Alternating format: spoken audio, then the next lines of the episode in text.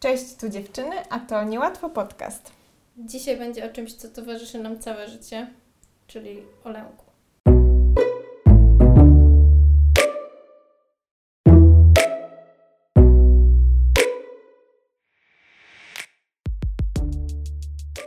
Tak naprawdę na każdym etapie naszego życia e, z różną intensywnością czegoś się boimy.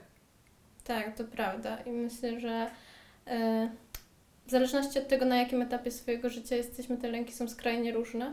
Tak, no, no, na pewno jak jesteśmy młodsi, boimy się czegoś innego, a teraz jako młodzi dorośli zupełnie inaczej postrzegamy lęk i strach. Tak, i powiemy Wam o tym, jakie lęki miałyśmy, czy sobie z nimi poradziłyśmy i jak sobie z nimi poradziłyśmy, jakie lęki towarzyszą nam teraz, w jaki sposób wpływają na nasze życie. Czy strach i lęk nas motywuje, czy raczej powoduje, że nie jesteśmy w stanie nic zrobić i powoduje taki wewnętrzny paraliż? Tak, no i będą to takie lęki, wiecie, mocne, emocjonalne, które są um, dużą przeszkodą, ale będą też takie prozaiczne, które każdy z nas niestety ma. Dobra, to zaczniemy od samego początku. E, powiedz mi, czego Ty się bałaś jako dziecko? Wiesz co, ja jako dziecko miałam problem z tym, um, żeby powiedzieć sobie samej, że to, co widzę w telewizji, Mhm. nie jest prawdą.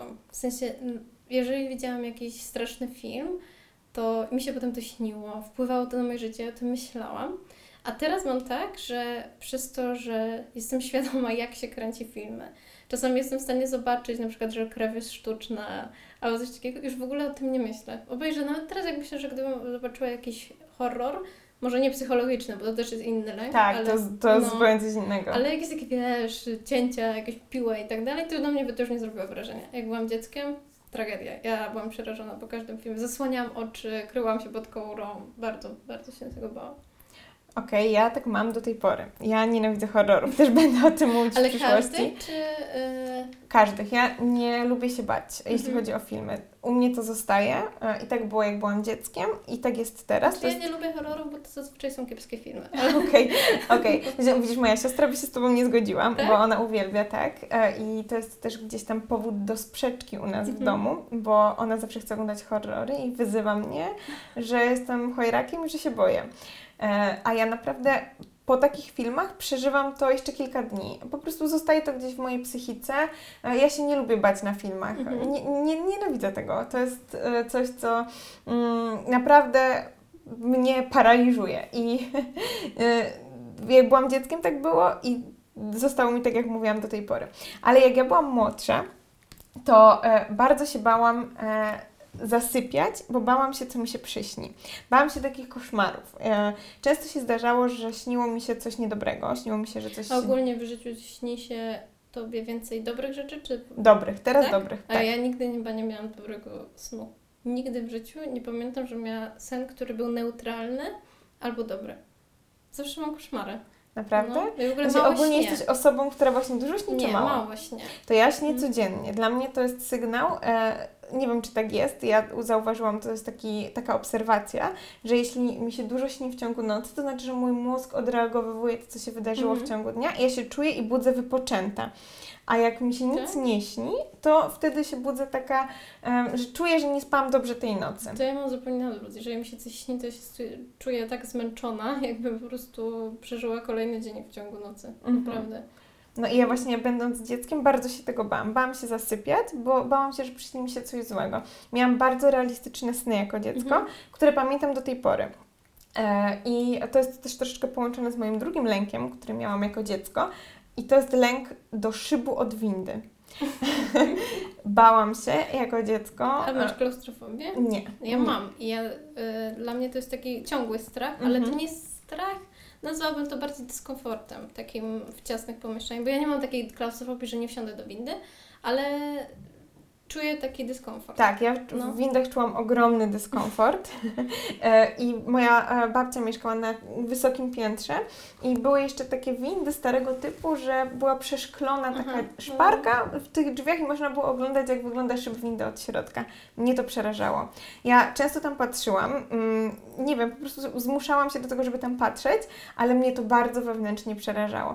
I w moich snach często się pojawiało to, że spadam w szybie windy No, jako dziecko. obrazem. Tego, co... Tak, i to jest lęk, który bardzo mi A towarzyszył dalej, w dzieciństwie. dalej czy już nie? Nie, już Mhm. nie, wyleczyłam się z tego.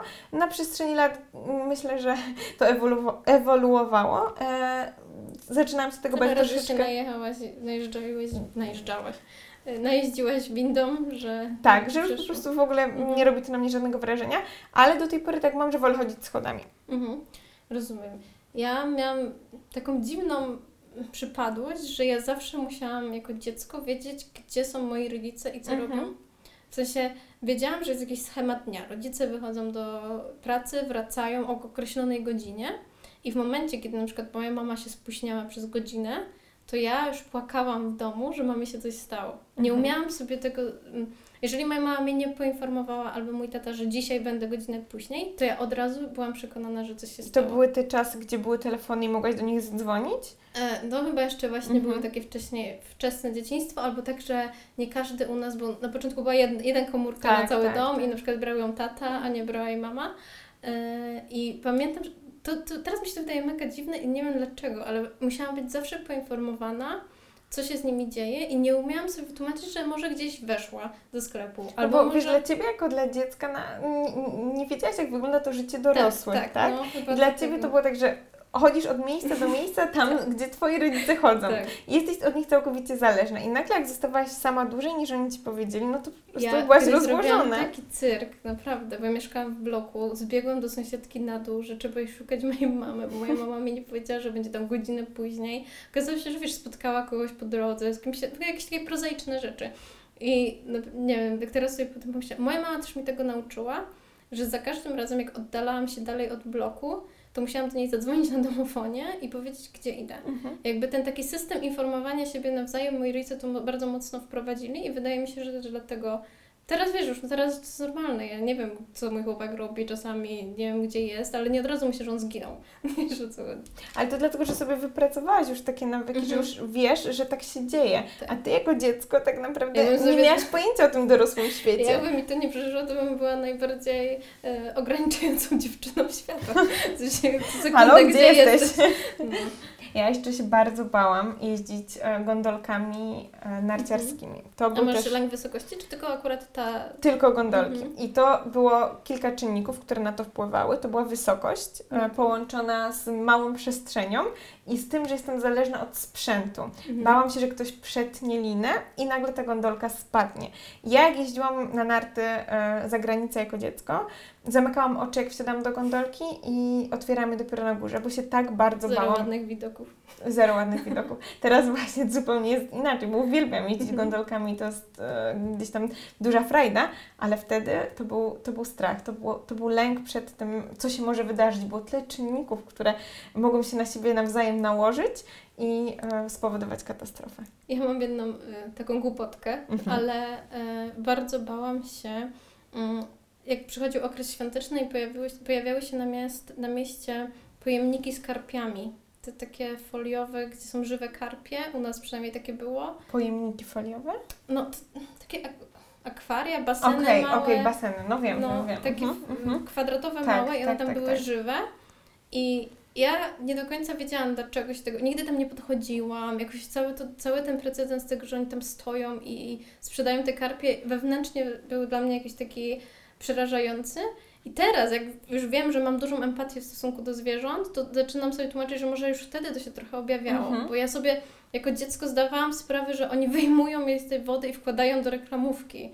Wiesz, i one po prostu umierają i nie, nie pamiętam, żebym była na tyle świadoma jako dziecko. Po prostu wiedziałam, że się boję i nie chcę tego, nie stawałyśmy tam, moi rodzice nigdy nie kupowali karpi. Ale ja też umiałam zawsze te, te No. miejsca w supermarketach i, I- na ulicach i wszędzie. To zawsze było takie, wiesz, podświadome, bo ja jadłam mięso jako dziecko. U mnie w domu się jadło mięso, więc ja nie miałam jakichś takich e, strachów pojonych, ale no wydaje mi się, że to po prostu empatia gdzieś od dziecka się w ten sposób objawiała.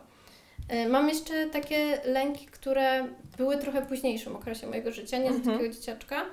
Mm, I to, był, to jest bardzo dziwny lęk i strach. Mm, W pewnym momencie włączyło mi się to, że ja jestem za głupia. W sensie Mhm. wielki strach przed tym, że powiem coś e, nieprawdziwego, w sensie niezgodne z historią, że pomylę jakąś datę, pomylę nazwisko.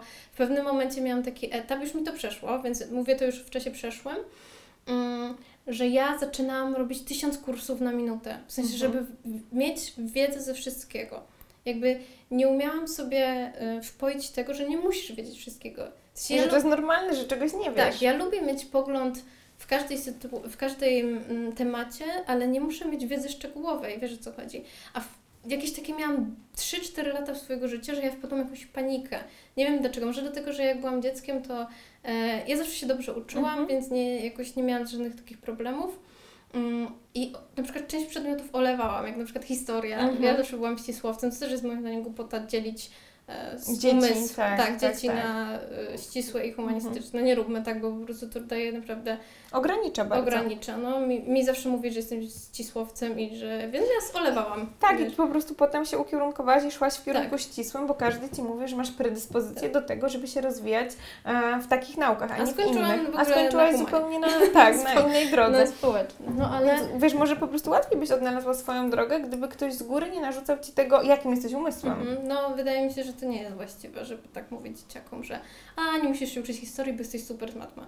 Nie, nienawidzę tego, ale no miałam ten taki okres, że wiesz, nagle zaczęłam robić tysiąc y, kursów, chciałam wiedzieć wszystko, siedziałam i czytałam i to wiesz, nie czytałam dla przyjemności, czytałam tylko Żeby pochłaniać pogłębiać, wiedzę. pogłębiać wiedzę, żeby nikt nigdy mnie nie złapał na tym, że ja czegoś nie wiem. Mhm. I wyleczyłaś się z tego, tak? tak? wyleczało mi to. W sensie, mm, ja się dużo nauczyłam przez te Mhm. 4 lata i naprawdę mam e, dużo większy zasób wiedzy przez to, ale to było takie chorobliwe, wiesz, to, to, Taka obsesja troszeczkę.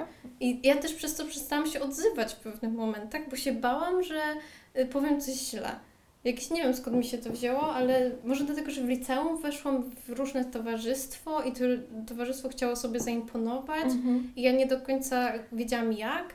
Tak, i ja No. się z- zgadzam się z tym, też miałam troszeczkę podobnie myślę, ale wydaje mi się, że to chodzi o to, że też taki strach przed wypowiedzeniem własnego zdania, że ty już jako młody człowiek zaczynasz kształtować sobie w swojej głowie jakąś swoją opinię, swoje Tak. zdanie na jakiś temat i wiesz już, że się nie zgadzasz z poglądami niektórych osób. Ja No na przykład jest- też tak miałam i Mhm. to jest mój jeden z moich strachów, z których się już wyleczyłam, bo wiem, że to jest normalne, żeby mieć swoją opinię, że nie każdy się musi ze sobą zgadzać, a jak byłam dzieckiem, taką nastolatką, m, bałam A się wiesz tego. dlaczego ja, bo ja myślałam o tym e, przed odcinkiem, bo ja mam, nazwałam to tak ogólnie strachem przed odrzuceniem. Mhm. Bo jak jesteś po prostu w kontrze do kogoś, no to zazwyczaj już ta relacja nie buduje się tak dobrze, ale ja wydaje mi się, że my mieliśmy zakodowane, że ludzie, z którymi jesteś w klasie, to są twoi koledzy. Musisz się z nimi trzymać. Ludzie, którymi jesteś na studiach, to są twoi koledzy, musisz się z nimi trzymać.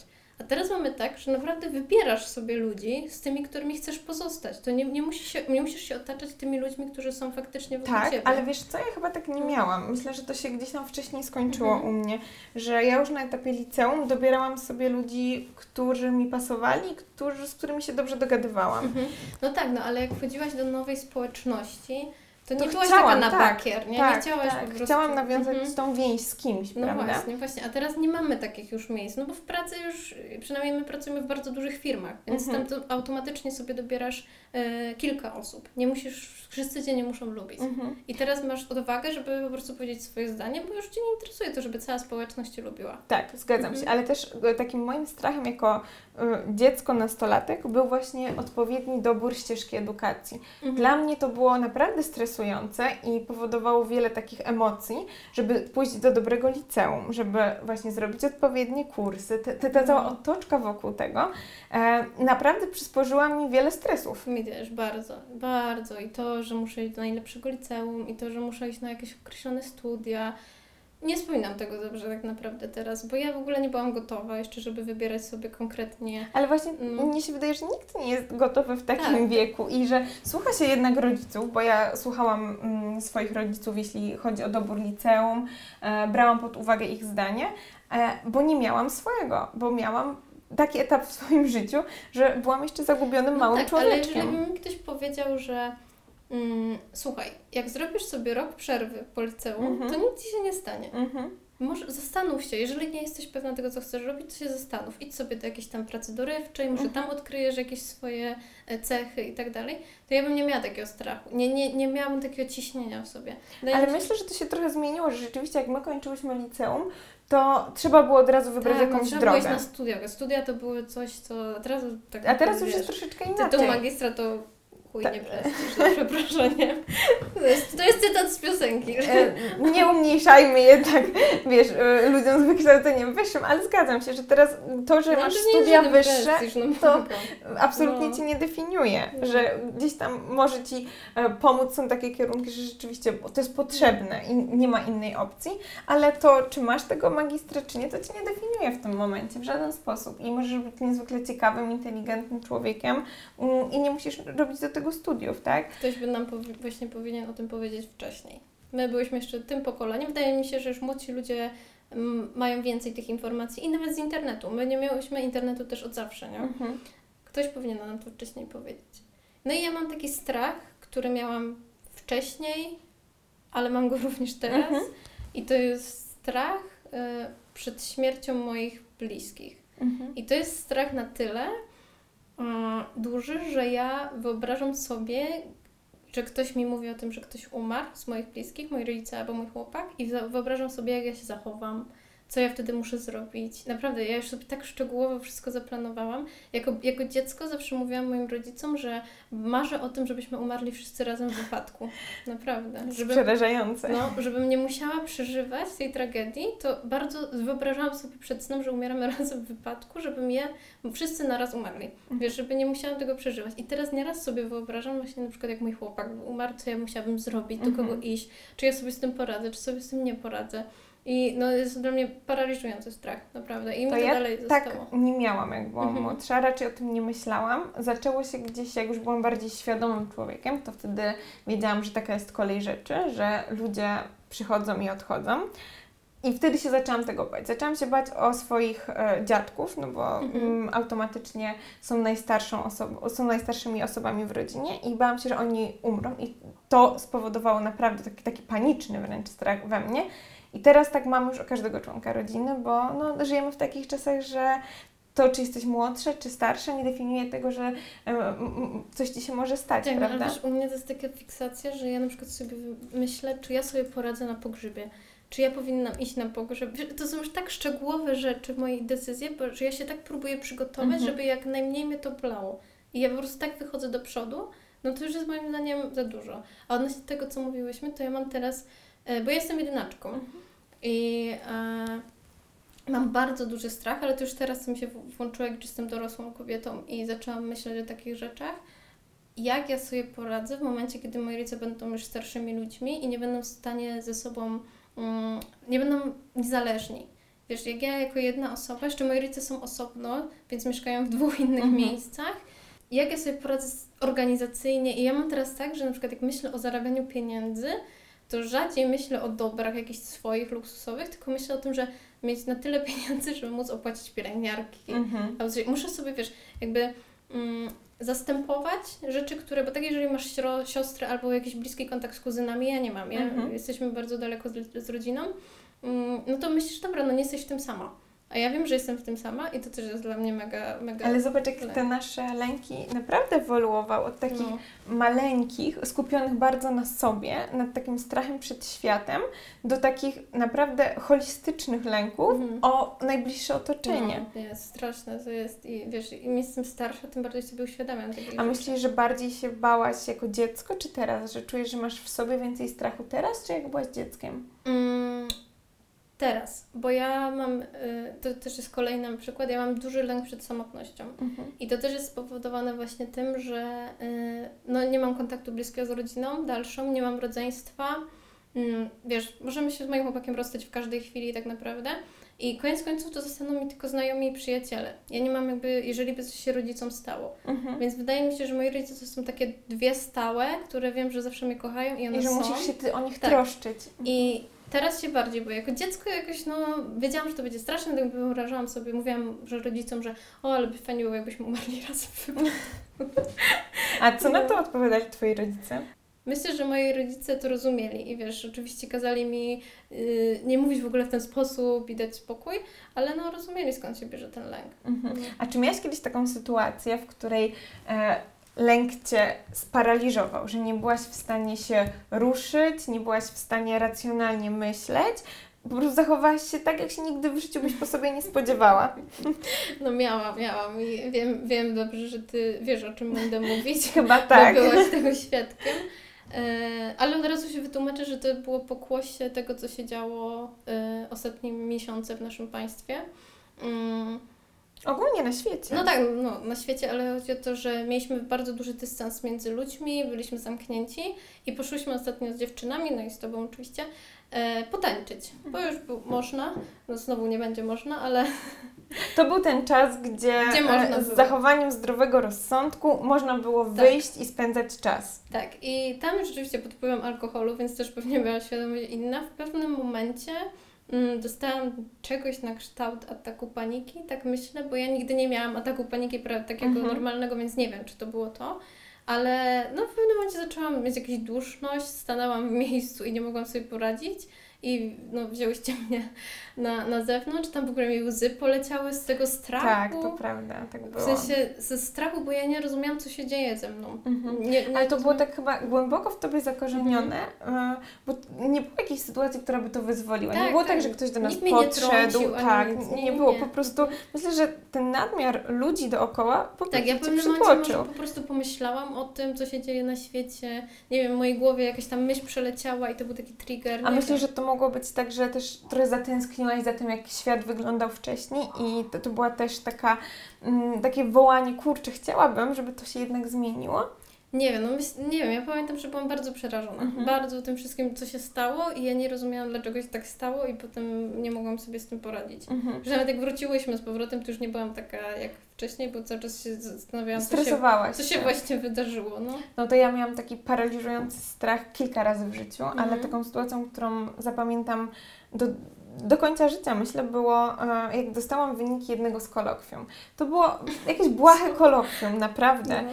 I e, to pokazuje, jak czasami proste rzeczy, proste e, czynności, które my, z którymi się mierzymy każdego dnia, jak się tego za dużo skupi naraz, po prostu one są w stanie nas przytłoczyć i nie jesteśmy w stanie z tego wyjść i racjonalnie do tego podejść. I ja dostałam te wyniki kolokwium. E, przeczytałam, że nie zdam i będę musiała poprawić to kolokwium. I ja wtedy też byłam ze znajomymi, ja musiałam wrócić do domu, ja nie mogłam oddychać, ja się Prawda? dusiłam. Tak. Ale ty musiałaś być przytłoczona To był taki właśnie rzeczami, czas, tak, ale znam prostu- Cię na tyle, że wiem, żebyś Nie- nie, jednym nieznanym się, oczywiście, nie, Ale jakiś ciąg przyczynowo-skutkowy doprowadził do tego, że taka jedna wiadomość wywołała u mnie tak silne i skrajne emocje. Tak. Ja musiałam wyjść na balkon, musiałam wziąć reklamówkę, oddychać do reklamówki. Ja nie wiedziałam, co się dzieje. E, naprawdę zaczęłam płakać. Zadzwoniłam wtedy do swoich rodziców, powiedziałam, że nie wiem, co się ze mną dzieje. Ja nie miałam kontroli nad swoim organizmem. I to był taki najbardziej e, atak, który zapamiętam i który był najsilniejszy, najbardziej e, odbił się na takim moim właśnie- postrzeganiu potem świata. Chyba w tych dwóch przypadkach chodzi o to samo, że nie miałyśmy kontroli. Kontroli. Tak, Nie? Tak. To jest chyba najgorsze w życiu, kiedy coś się z tobą dzieje, a ty nie możesz na to Tak, i wpłynąć. wymyka ci się, masz wrażenie, że wtedy Mm. wszystko ci się wymyka nagle spod kontroli, że nie masz wpływu, że robisz wszystko niby dobrze, ale jednak to się nie składa jedno z Mhm. drugim. I ta sytuacja naprawdę dała mi bardzo dużo do myślenia. Mm, I teraz już jak mam takie e, chwile w życiu, że coś mi się nie składa, to wiem, że muszę z- odzyskać tą kontrolę. Musisz, o, też musisz pozwolnić, wtedy sobie pomyśleć, tak mi się wydaje. Tak. A ja mam jeszcze. e, to jest przykre, ale ja rozmawiałam już z wieloma kobietami i zastanawiam się, czy ty też tak masz. E, czy jak idziesz wieczorem gdzieś, to robisz sobie. Czy jak ci powiem to hasło, to będę wiedzieć. Robiłaś sobie kiedyś kastet z kluczy? E, tak. No, ej, to Tak. jest tak przykre, że kobiety muszą to robić. I wiesz, to jest trochę śmieszne, ale ja nieraz jak idę sama gdzieś, to po prostu kluczę w rękę i jakbym miała coś się bronić z tymi kluczami. I ostatnio ten tekst padł, jak byłam na jakimś szkoleniu. Po prostu było dużo kobiet, nie pamiętam. I każda powiedziała tak, wiesz. Tak, Ale wiesz, tak, ja o tak. tym nie pomyślałam No. nigdy wcześniej. E, teraz pierwszy raz mi powiedziałaś, e, na, nazwałaś to, powiedziałaś to głośno. No. Ja trzymam zawsze klucze w ręku, jak Tak, wracam do no. domu, ale nie nazwałabym tego nigdy, że robiłam e, broń sobie w ręce, No. tak? Ale że rzeczywiście zawsze, tak jest. Zawsze tak jest. Kastet kluczy to jest, ale to jest A No to to zobacz, jest jakie, to jest podświadome, naprawdę, bo zawsze jak wracam, a często wracam e, albo sama, em, albo właśnie z jakąś koleżanką, to zawsze, wiesz, idziemy i e, każda widzę, że trzyma te klucze w ręce, bo e, boimy się tego, że ktoś na przykład, nie wiem, podejdzie, że ktoś będzie coś od nas chciał. No boimy się, bo wiesz, e, jednak ten obraz kobiety w społeczeństwie jest taki, że jest słaby i jakby mężczyźni potrafią do nas podejść z większą śmiałością i mamy to w głowie, chociaż ja na przykład mi się nigdy nic złego nie stało. Mnie też, Nigdy nie, nie jeszcze nie zaczepił. sytuacji. Ale ja już po prostu, wiesz, jestem gotowa na Ale to też widzisz, że jest tak, że taką- jesteśmy bombardowane z każdej strony i dobrze, bo przynajmniej jesteśmy bardziej wyczulone na to, co się dzieje. Ale mówi się o takich przypadkach, więc dobrze, że wiesz, że mamy to z tyłu głowy i wracając, nieważne od godziny, od pory dnia, ważne, jestem że jesteśmy czujne, po prostu. teraz pomyślały o tym, że one też, Też tak robią. casting Scrooge. Bawi mnie to hasło, bo ono właśnie wtedy padło i wszystkie dziewczyny się odwróciły. Tak, ja też, ja też, no, No. ja też. To była mega dziwna sytuacja. Przykra, bo przykra, ale, ale dziwna. I ja mam jeszcze taką prozaiczną rzecz. Mm, ja mam trochę strach przed starością swoją. Oj, to, to ja też. E, I to są dwa aspekty, bo jeden wizualny. Mhm. I ja wiem, że ty też to masz Mhm, i tak, staramy tak. się zapobiegać pielęgnacja, nie pielęgnacja. I w ogóle Tak. każda zmarszczka jest mini zawałem, co nie jest do końca dobre, jest trochę też próżna, bym powiedziała. Ale e, z drugiej strony ja też mm, mam taki strach, że będę już... e, Nie będę w stanie robić tyle rzeczy, ile robię teraz. Ja mam strach przed mhm. tym. A, że będziesz z funkcjonowania bardziej. Tak, że nie będzie Mhm. mi się chciało, to raz, że nie będę miała takiej ciekawości świata, jak mam teraz. E, I trzy, no A myślę, że będziesz tego świadoma, że w sensie... wiesz co, wydaje mi się, że żyję na tyle szybko, że będę widzieć różnicę po prostu w tym, jak No wygląda tak, mój będziesz dzień. widziała różnicę, ale czy Mhm. wtedy, jeżeli ci nie będzie chciało, to nie będziesz z tym okej? Nie wiem. Ale ja mam teraz taki lęk, że ja nie chcę, żeby, Aha, ja nie chcę dobra, się zatrzymywać. Nie chcę, żeby to się zmieniło. Ja chcę zawsze mm, gnać do przodu, robić dużo rzeczy i, i ciągle się rozwijać, Okej. być otwarta. I boję się, że oczywiście nie będę miała na to wpływu, bo jak przyjdzie taka niemoc, to nic nie zrobię, Mhm. nie, nic na siłę. Ale tego się boję, po prostu obawiam się tego, Że w pewnym momencie... Rozumiem. Jeszcze o jedną rzecz i nie wiem jak ją nazwać, po prostu uderzyło mnie w pewnym momencie to, że moi koledzy zaczynają umawiać się z młodszymi dziewczynami. W sensie Okej. boję się tego, że będę już taka mm, out of po prostu. Nie Ale wiem jak to powiedzieć. Wiem, ale mm, ja też mam tak Mm. czasami, że oglądam coś i ktoś mówi 19 lat, 18 lat, ja sobie myślę, kurczę, Ja to prawie tyle, nie, ja sobie myślę, prawie tyle co ja, a potem tak patrzę na siebie i tak sobie myślę, kurde, ja już nie mam 19-18 lat. No. I to rzeczywiście powoduje u mnie takie, o Jezu, jak Że ten czas gna. będziemy tymi ludźmi, na których patrzymy i myślimy, że już są starsi. Ale nie wiem, czy też tak miałaś, e, jak ja byłam dzieckiem, czyli pstro w głowy i Mhm. tak naprawdę zero pojęcia o świecie, to mówiłam, że jejku, ktoś, kto ma już 30 lat, to jest już Tak, stary. znaczy, wiesz, ja na przykład A teraz uważam, że to są osoby młode. Bardzo. Ja jak miałam, w mojej głowie, gdy ja miałam 30 lat, to ja już miałam, wiesz, dom, może nie dzieci, bo akurat nie są moje aspiracje, ale, Ale kariera, pieska. kariera na najwyższym szczeblu i tak dalej. Ja wiem, że to będą dopiero początki, ale Tak. już z tym pogodziłam. Tak. W sensie, Ale to zobacz, jak się No. zmienia to myślenie tego Tak. dziecka e, i tej osoby nie no, świadomej. 30-letniej osoby, u mnie to była osoba ułożona, to już po Mhm. wszystkim, nie? To Mhm. już po życiu. To już w ogóle Po życiu. wszystko, co miałam przeżyć, przeżyłam. Mam 30 lat i teraz tylko siedzieć i pachnieć. No, nie, nie, to się zmienia bardzo. E, no i teraz może przejdźmy do tego, jak sobie radzimy z naszymi lękami. Okej, to em, Co Ci pomaga? co mi pomaga? Wypracowanie sobie w głowie tego, przepracowanie, przegadanie um, sama ze sobą, No właśnie ja mam- wytłumaczenie sobie, że Dużo ze sobą samym Tak, rozmawiać, nie? tak. To jest to...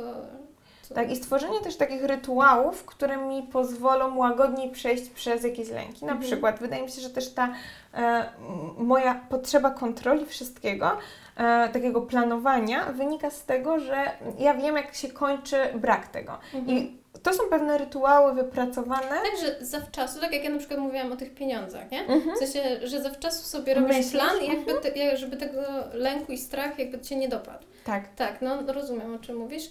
E, ja mam jeszcze, no bo ja mam ten duży strach przed samotnością i u mnie to jest też taka samotność dnia codziennego. Mhm. Ja nie potrzebuję dużo ludzi, ale ja nie lubię być sama. Mhm. Bo u mnie, dla moją mm, przypadłością jest to, że jak ja zostaję sama, to ja od razu myślę o tych właśnie wszystkich strachach i lękach. Ja jestem osobą, która dość, yy, może nie depresyjną, ale smutną z natury i zamiast myśleć o czymś pozytywnym, jak zostaję sama, to myślę o tych złych rzeczach, więc moim, e, moim jakby taką tarczą jest otaczanie się najbliższymi. Mhm. Jeżeli ja jestem z moim chłopakiem, to my sobie rozmawiamy, wygłupiamy się i ja wtedy nie myślę, jak każdy, jak pracuje, to sobie pracuje.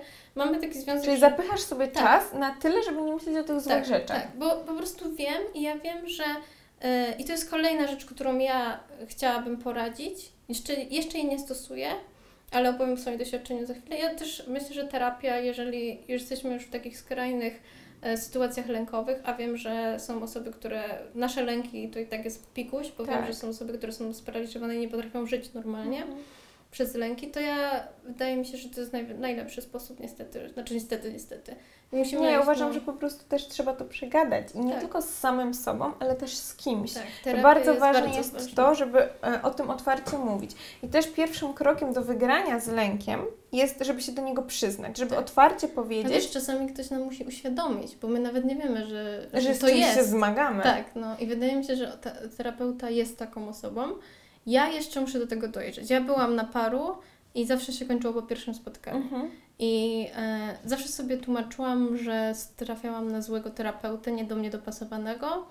A teraz myślę, Że nie że, to byłaś jest, gotowa. że to jest mój e, atak, w sensie atak, tarcza obronna Mhm. po prostu przed tym, żeby nie chodzić, bo jeszcze jestem niedojrzała na tyle, żeby móc z kimś porozmawiać. Mhm. Ale jeżeli ktoś wie o tym, to powinien iść i są na Ale ja na przykład też widzę, że ty e, bardzo ewoluowałaś, jeśli chodzi nawet o rozmawianie o swoich problemach. Bo kiedyś byłaś dużo bardziej zamkniętą tak, osobą, tak. No, ale a teraz to nauczyło chyba mój związek aktualny, Mhm. żeby ze sobą dużo rozmawiać i jak to wprowadzasz w jednym aspekcie, to moim zdaniem automatycznie robisz też, bo też mam teraz dużo lepszy kontakt z rodzicami, bo Mhm. potrafię z nimi porozmawiać. i nie ukrywasz, nie zamiatasz tych problemów Mhm. pod dywan, tylko jesteś w stanie o tym otwarcie mówić. No ale mi to zajęło 25 lat. Ja bym chciała, żeby ludziom zajmowało to trochę krócej. Wiesz, Ale to no. wiesz, każdy musi, tak jak sama powiedziałaś, to musisz wypracować w swojej głowie. I czy to będzie właśnie rozmową z kimś, czy to będzie Mhm. rozmowa sama z, ty sama ze sobą, to ważne jest to, żeby gdzieś tam uświadamiać sobie, tak, te No, rzeczy. jest. Nie. I myślę, że to są dwie takie główne rzeczy. Tak, które, ja też tak myślę. No, ten, A myślisz, że e, strach i lęk cię paraliżuje czy motywuje? Paraliżuje. Ja Paraliżuje. jestem z osób, które, tak jak mówiłam, tyle e, jakby obronnych sytuacji i tak bardzo staram się otoczyć murem, żeby to do mnie nie doszło, że jestem pewna, że mnie paraliżuje. Mhm. A ty? To ja tak mam z rodziną, że mnie też paraliżuje. Strach, lęk o nich. E, Mhm. Po prostu rozkłada mnie na łopatki. Ja nie wiem, jak bym się zachowała w jakiejś sytuacji, gdy komuś coś by się stało. E, myślę, że mogłabym stanąć jak wryta i nie wiedzieć, jak się zachować, pomimo mojego gdzieś tam wykształcenia e, okołomedycznego. E, ale jeśli chodzi o takie relacje z innymi ludźmi, to czasami strach mnie motywuje. A właśnie na przykład taki strach przed hmm, straceniem jakiejś relacji, to może trochę mnie jednak motywuje, żeby do kogoś napisać, Mhm. żeby się odezwać, żeby tą relację za wszelką cenę Tak. podbudować, bo mi zależy, Tak, żeby dokładnie. rozmawiać. No to no nie, no to może masz faktycznie rację, że nie we wszystkich aspektach Mhm. e, jest przerażający, bo taki strach przed utratą czegoś, na co jeszcze mogę wpłynąć, no to motywuje. Tak. Tak. no, No to ja właśnie też tak Mhm. mam. Nawet jeśli chodzi o em, takie pracowo-studyjne rzeczy, to mnie gdzieś powiedzmy ten strach przed tym, że będę musiała jeszcze raz do czegoś podejść, Mhm. motywował, że kurczę, zepnę się teraz, e, poświęcę na to trochę czasu i może mi się uda. No to ty masz y, fajne. Znaczy, wydaje mi się, że ja mam podobnie, ale znam dużo osób, które strach przed głupim kolokwium, to jest najprostszy przykład, ich tak paraliżował, że oni nie byli w stanie się nauczyć, bo byli tylko i wyłącznie przestraszeni Mhm. i ich mózg nie przyswajał. No to nie, no to mamy ten lepszy model, jeżeli o Widzisz? to chodzi. No. A masz strach, taki lęk przed nowymi rzeczami na tyle, że jesteś w stanie z nich na przykład zrezygnować, bo tak bardzo się boisz, że ci się nie uda, nie powiedzie i trudno ci się będzie do tego przyznać, że od razu na starcie e, dyskwalifikujesz siebie sama z, powiedzmy z, z takiego, e, Mhm, rozumiem. wiesz o co chodzi.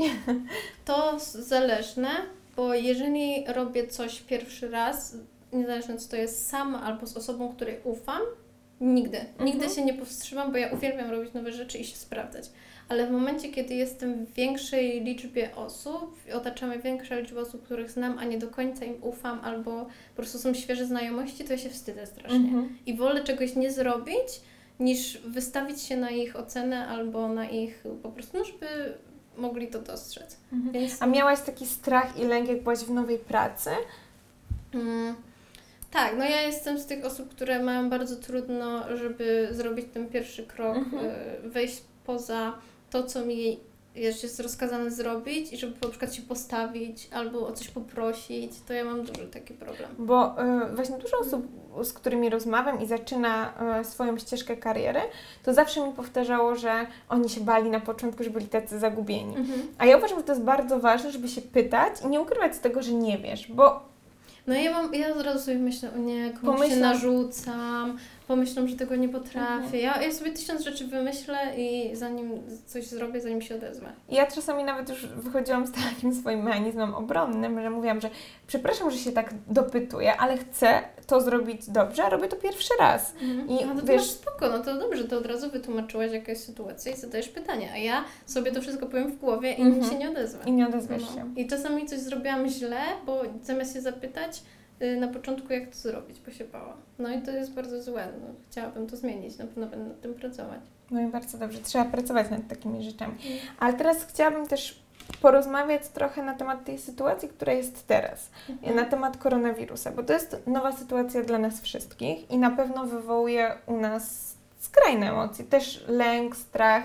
E, I jak ty sobie po prostu poradziłaś z tym, żeby się przystosować do tej nowej rzeczywistości? Wiesz co, ja pierwsze dwa miesiące mm, nie dochodziło do mnie o co chodzi. W sensie, wiesz, to jest trochę ironia losu, bo y, jakby jednym z moich wykształceń jest y, wirusolog, więc jakby absolutnie wiem o co chodzi, ale nie zdawałam sobie sprawy, że to dotyka nas tak bezpośrednio. Gdzieś tam kiedyś na świecie, mhm. gdzieś tam jakieś 200 osób, więc jakby to była taka moja tarcza obronna, że a, to nic nie dotyczy.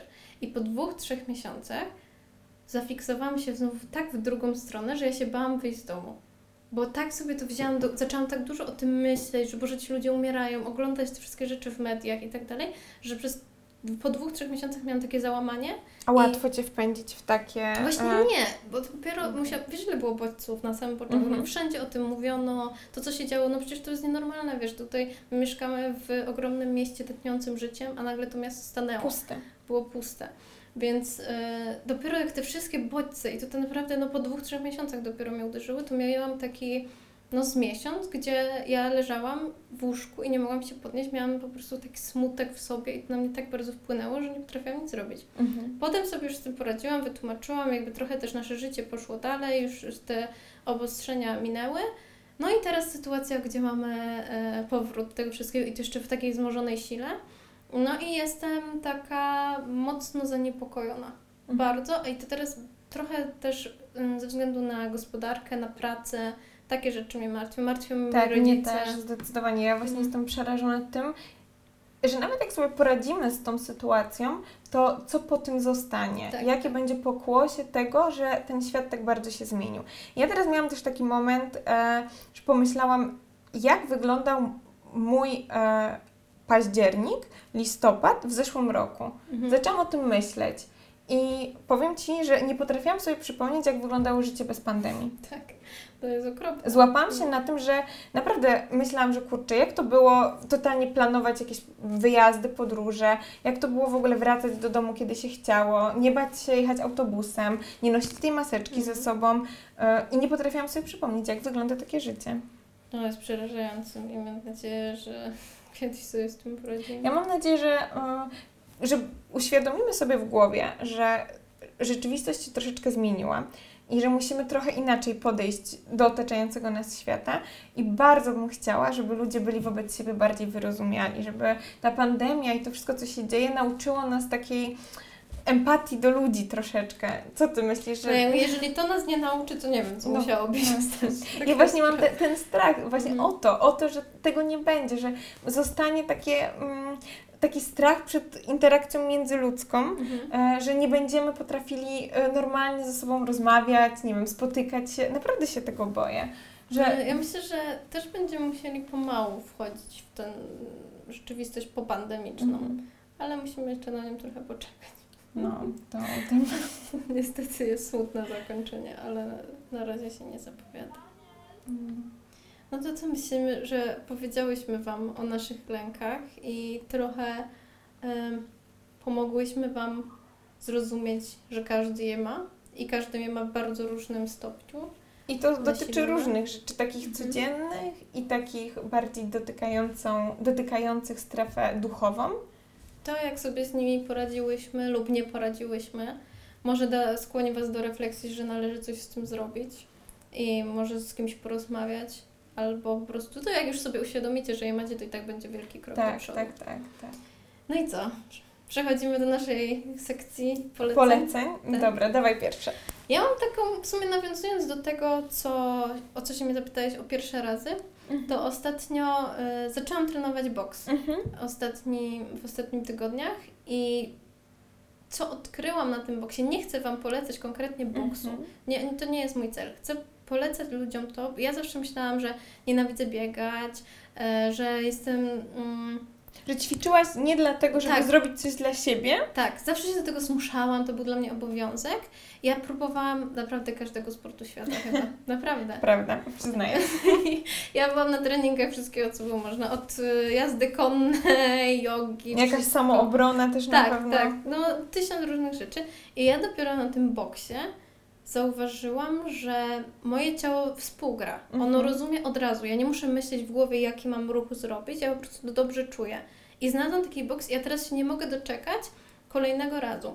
I moim poleceniem jest to, żebyśmy jak najwięcej próbowały. Mhm. Bo ja już byłam trochę demotywowana w pewnym momencie, kiedy już y, zrobiłam każdy sport świata i dalej się z nim źle czułam, jakaś zestresowana. Każde wyjście na ten trening to był dla mnie stres bo się bałam, że znowu czegoś tam nie potrafię, albo że będę musiała strasznie się spinać, żeby to zrobić. I nagle to znalazłam. I nagle mhm. jest dla mnie neutralne i się czuję tam prześwietnie po prostu. Mhm. Więc moim poleceniem jest to, że byśmy próbowały jak najwięcej, w, bo może znajdziemy coś takiego. Jeżeli nie, no to kiedyś się trzeba będzie poddać. Ale, Ale super polecenie, no, naprawdę. Wydaje mi się, że każdy I to jest właśnie też super, bo to się trochę łączy z takim przełamywaniem kolejnych strachów i barier. Tak, tak? i też wiesz, chciałabym powiedzieć, że nie każdy musi ćwiczyć jogę. To, że każda dziewczyna na Instagramie ćwiczy jogę, to nie znaczy, że wy musicie to robić. Ja akurat lubię jogę, więc nie jest, ja nie jestem przeciwniczką. Ja lubię ćwiczyć jogę i ćwiczę jogę, ile mogę, ale...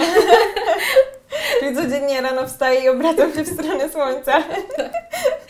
No, ale chodzi mi o to, żeby nie iść też takim prądem, że jeżeli wszyscy coś robią, to ja też to muszę i muszę to kochać i robić i Boże, yoga zmieniła moje życie.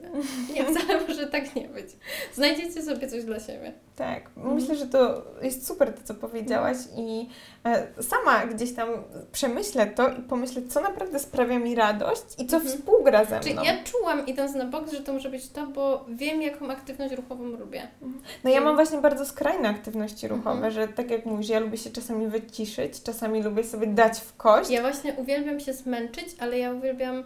Mm, coś, co ja odkryłam w tym boksie, czego nigdy nie widziałam, to to jest pewien rodzaj medytacji. Mhm. W momencie, kiedy musisz powtarzać te ruchy, nauczyć się pamięć mięśniową, czasami robisz to kilka dziesiąt razy mhm. pod rząd to samo, byle mieć dobrą technikę i myślisz tylko o tym, żeby to zrobić dobrze. Jak mhm. się czyści. Ja po prostu byłam pod wrażeniem, że ja w pewnym momencie miałam w głowie tylko to. No to jest taki rodzaj medytacji. Wcale no. nie trzeba siedzieć na dupie i e, próbować odgonić myśli, bo oczywiście też próbowałam medytacji e, mhm. w swoim życiu.